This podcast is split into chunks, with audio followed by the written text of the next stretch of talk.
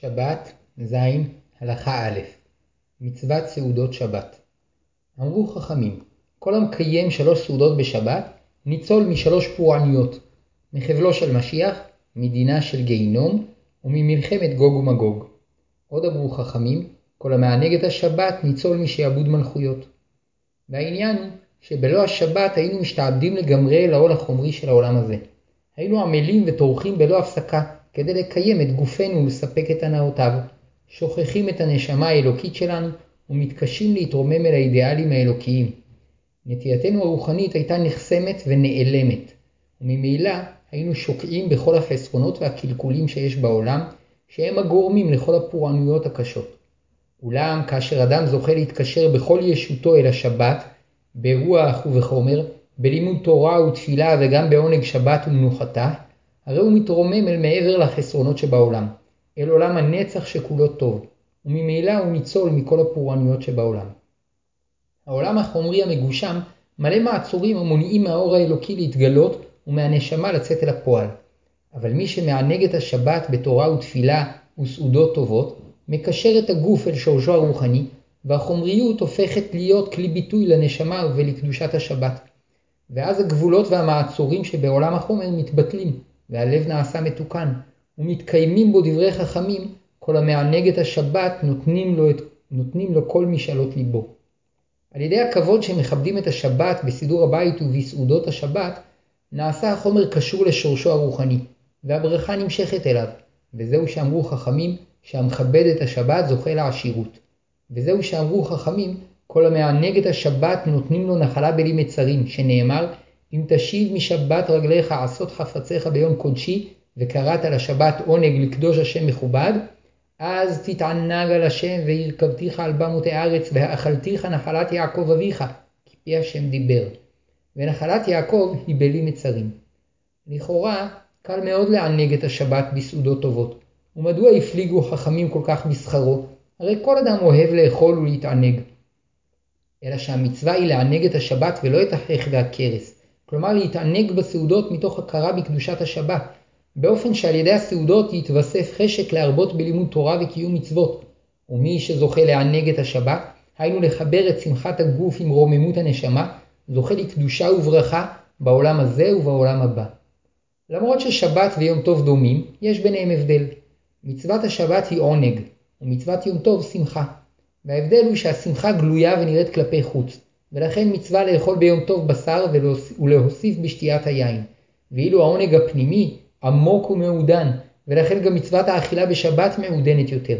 ומי שאינו נהנה כל כך מבשר ויין, יכול לענג את השבת במאכלים אחרים. ואולי לכן דווקא הדג מאפיין יותר את מאכלי השבת, שטעמו עדין ועמוק. שבת, ז, הלכה ב' גדרי המצווה שתי מצוות ישנן בסעודות השבת. האחת מצוות עונג שבת, שנאמר וקראת לשבת עונג, ועיקרה מתקיים בסעודות. אולם גם במה שתואמים בין הסעודות, וגם בשינה של שבת מקיימים את מצוות עונג שבת. המצווה השנייה היא מצוות שלוש הסעודות, שלמדו חכמים מרמזי הפסוקים שמצווה לקיים בשבת שלוש סעודות. סעודה ראשונה מקיימים בליל שבת, שנייה ביום השבת בשחרית עד חצות, וסעודה שלישית מחצי שעה אחר חצות היום ועד השקיעה. והאוכל סעודה שלישית לפני כן לא יצא. מי שלא אכל סעודה ראשונה בליל שבת, יאכל שלוש סעודות ביום השבת. ומי שלא הספיק לאכול סעודה שנייה עד חצות היום, יאכל שתי סעודות אחר חצות. שיש סוברים שאין זמן הסעודות מעכב, ובדיעבד יש לסמוך עליהם.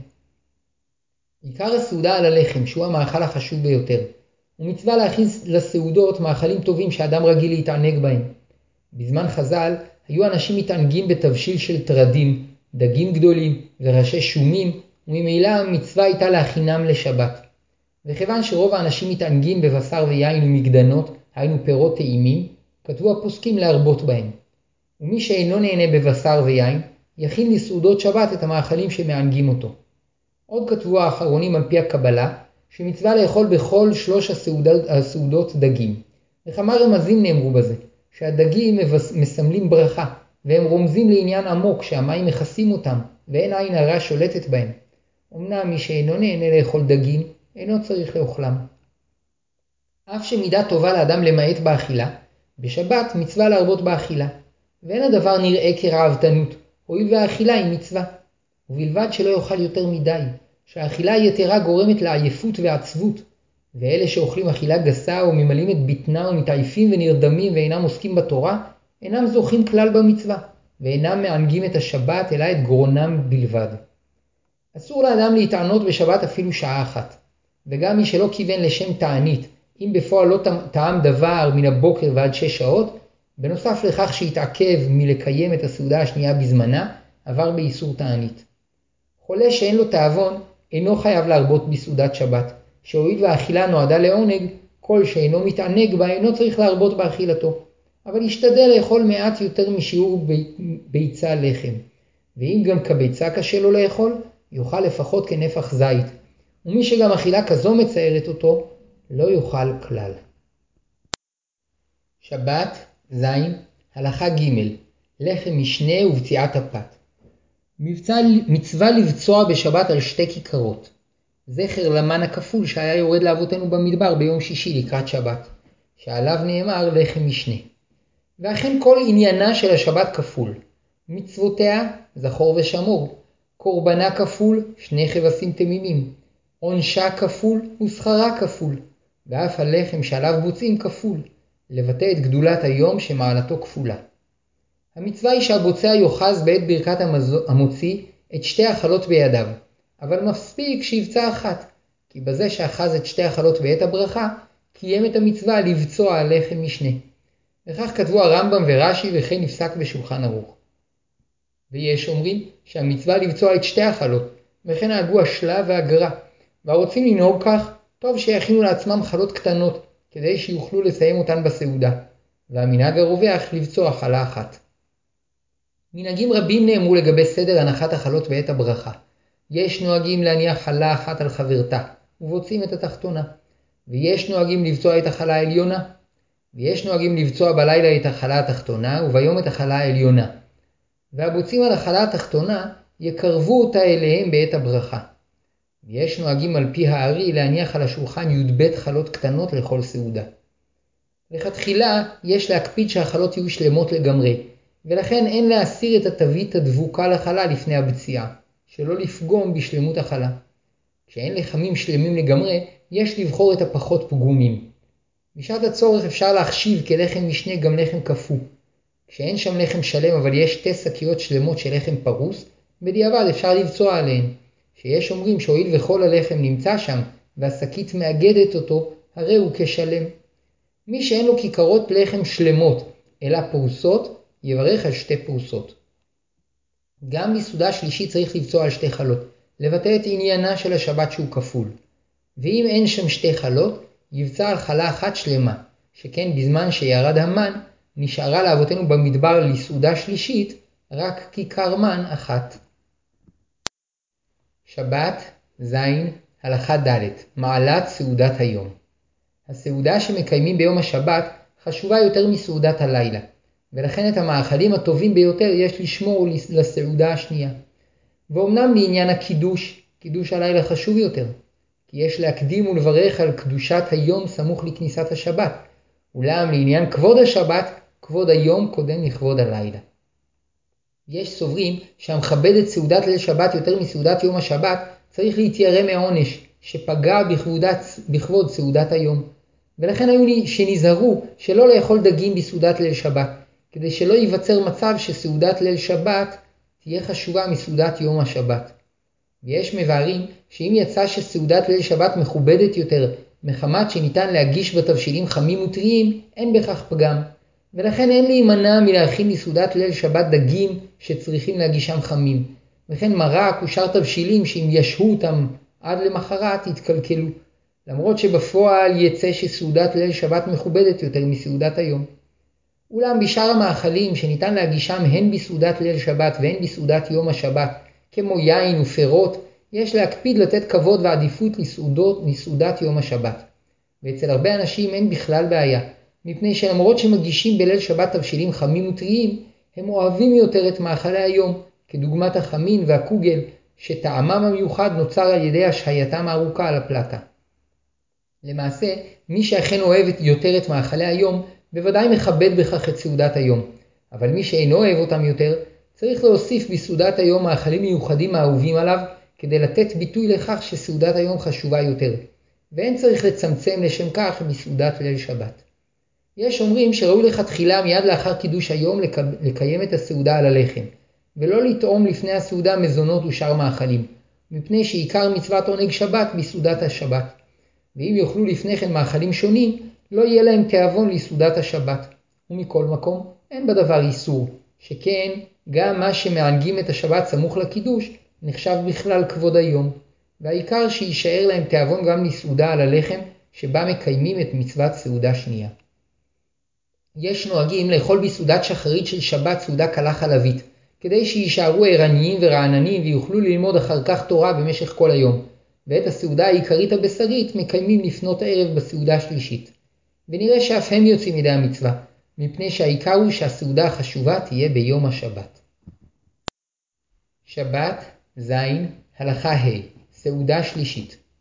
מי שאין לו לחם מסעודה שלישית, או שקשה לו לאכול לחם, לאכול לחם, יכול בדיעבד לקיים את מצוות סעודה שלישית במיני מזונות. ואף שאי אפשר לקיים את מצוות סעודה ראשונה ושנייה במיני מזונות, מכל מקום לגבי סעודה שלישית, יש אומרים שעיקרה לתוספת תענוג ולא לשביעה, ואין חיוב לאכול בה דווקא לחם. לכן בדיעבד אפשר לצאת בה במיני מזונות. ואם גם מזונות אין לו, או שאינו יכול לאכולם, יאכל בשר או דגים. ואם אין לו בשר או דגים, יאכל פירות. ועדיף לאכול פירות מבושלים, שמבושלים נחשבים יותר כסעודה. לכתחילה צריך אדם לתכנן את אכילתו, כך שיוכל לאכול את הסעודה השלישית לתיאבון. ואם יזדמן לו לאכול את הסעודה השלישית סמוך לסעודה השנייה, ימעט באכילת הסעודה השנייה, כדי שיוכל לאכול את הסעודה השלישית לתיאבון. ומי שלא נזהר בזה והוא שבע, יכול לקיים את מצוות סעודה שלישית במעט יותר משיעור כביצה לחם. ובדיעבד יכול להסתפק אף בכזית לחם, ואם אפילו כזית לחם ומאכלים אחרים אינו יכול לאכול בלא צע, לצער את עצמו, הפסיד את המצווה. לדברי הרמב"ם, צריכים לקבוע ברכה על היין בסעודה שלישית, ויש שהבינו ממנו שכמו שמקדשים על היין לפני סעודה שנייה, כך צריך לקדש לפני סעודה שלישית. אולם למעשה, מצוות הקידוש היא פעם אחת בלילה ופעם אחת ביום, ואין מצווה לקדש על היין לפני סעודה שלישית. ויש אומרים שכוונת הרמב"ם להורות שיש מצווה לשתות יין בסעודה שלישית כדי לענג את השבת. וכן כתבו כמה אחרונים שטוב להדר לברך על היין בסעודה שלישית. צריך להתחיל את הסעודה לפני שקיעת החמה, וכל שהספיק לומר את ברכת המוציא לפני השקיעה, קבע סעודה ומותר לו להמשיך בסעודתו אפילו כמה שעות אחר צאת הכוכבים. אבל אם היה אוכל לפני שקיעת החמה מזונות או פירות וירקות או שותה משקים, כיוון ששקעה החמה צריך להפסיק, מפני שאין בזה קביעות סעודה, וכיוון שכבר התחיל להגיע זמן הבדלה, אסור לו לאכול ולשתות. מי שלא הספיק לאכול סעודה שלישית ושקעה החמה, רשאי להתחיל לאכול עד צאת הכוכבים לפי מטיבי הרעות. ובכל אופן, הוא אינו לפני 14 דקות אחר השקיעה, ואחר כך מותר לו להמשיך בסעודתו אפילו כמה שעות. אבל אחר צאת הכוכבים לא יתחיל בסעודה שלישית. אם היו בסעודה שלישית חתן וכלה ומניין גברים, מברכים בסיומה שבע ברכות, והמזמן, החתן והכלה, שותים מכוס היין אחר ברכת המזון, למרות שכבר יצאו הכוכבים ועדיין לא הבדילו, מפני ששתיית היין של ברכת המזון היא המשך הסעודה שלהם. שבת, ז, הלכה ו', ברכת המזון. תקנו חכמים לומר בברכת המזון בקשה מיוחדת לכבוד השבת, רצה ואכליצנו. בה אנו מבקשים שירצה השם במנוחתנו ובקיום מצוות השבת שלנו, ויזכנו לקיים את השבת בלא צער ויגון. מכיוון שהיא בקשה, תקנו לאומרה בברכה השלישית שאף היא בקשה. וכדי לחזור לנושא הברכה, מסיימים בבקשה על ירושלים ועל הגאולה, וחוזרים לברכת ובני ירושלים. שכח לומר רצה ונזכר לפני שהתחיל ברכת הטוב והמיטיב, תקנו שיאמר ברוך אתה השם אלוקינו מלך העולם שנתן שבתות למנוחה לעמו ישראל באהבה לאות ולברית ברוך אתה השם מקדש השבת. וימשיך לומר ברכת הטוב והמיטיב. ואם כבר התחיל ברכת הטוב והמיטיב ונזכר שלא אמר רצה, צריך לחזור ולומר את ברכת המזון מתחילתה. שכך תקנו חכמים שיזכיר בברכת המזון את עניין השבת, ואם לא הזכיר לא יצא ידי חובת ברכת המזון. אמנם כל זה אמור לגבי שתי הסעודות הראשונות, שבהן חובה לאכול לחם לכל הדעות, וממילא חייבים אחר כך לברך ברכת המזון. אולם אם שכח להזכיר את השבת בסעודה שלישית, אינו חוזר, משום שבדיעבד יכול לקיים את מצוות סעודה שלישית במיני מזונות, וממילא אינו חייב לברך ברכת המזון, ולכן אם שכח לומר רצה אינו חוזר לברך. וכן הדין למי ששכח לומר יעלה ויבוא בברכת המזון בראש חודש או בחול המועד, שכיוון שאינו חייב לאכול אז לחם, אינו חוזר. מי שהתחיל לאכול סעודה שלישית לפני שקיעת החמה, וסיים אותה לאחר צאת הכוכבים, אומר בברכת המזון רצה, שהולכים אחר התחלת הסעודה. ואם חל ראש חודש במוצאי שבת, ישנו ספק מה יזכיר בברכת המזון, והרוצה לצאת מהספק, יסיים לאכול לפני צאת הכוכבים, ויאמר בברכת המזון רצה בלבד. ואם ירצה להמשיך לאכול פת אחר צאת הכוכבים, יאמר רצה ויעלה ויבוא. שבת ז' הלכה ז' משמעותה של סעודת מלווה מלכה אמרו חכמים שמצווה לסדר שולחן במוצאי שבת לסעודת מלווה מלכה, כדי לכבד את השבת בצאתה. כמו אדם שנפרד מאורח יקר ואהוב, שקשה עליו פרידתו, והוא הולך עמו כברת דרך ארוכה כדי לשהות עוד במחיצתו. כך צריך לנהוג עם השבת, שלמרות שהיא כבר נסתיימה, אנו ממשיכים להתבשם ולהתענג מקדושתה.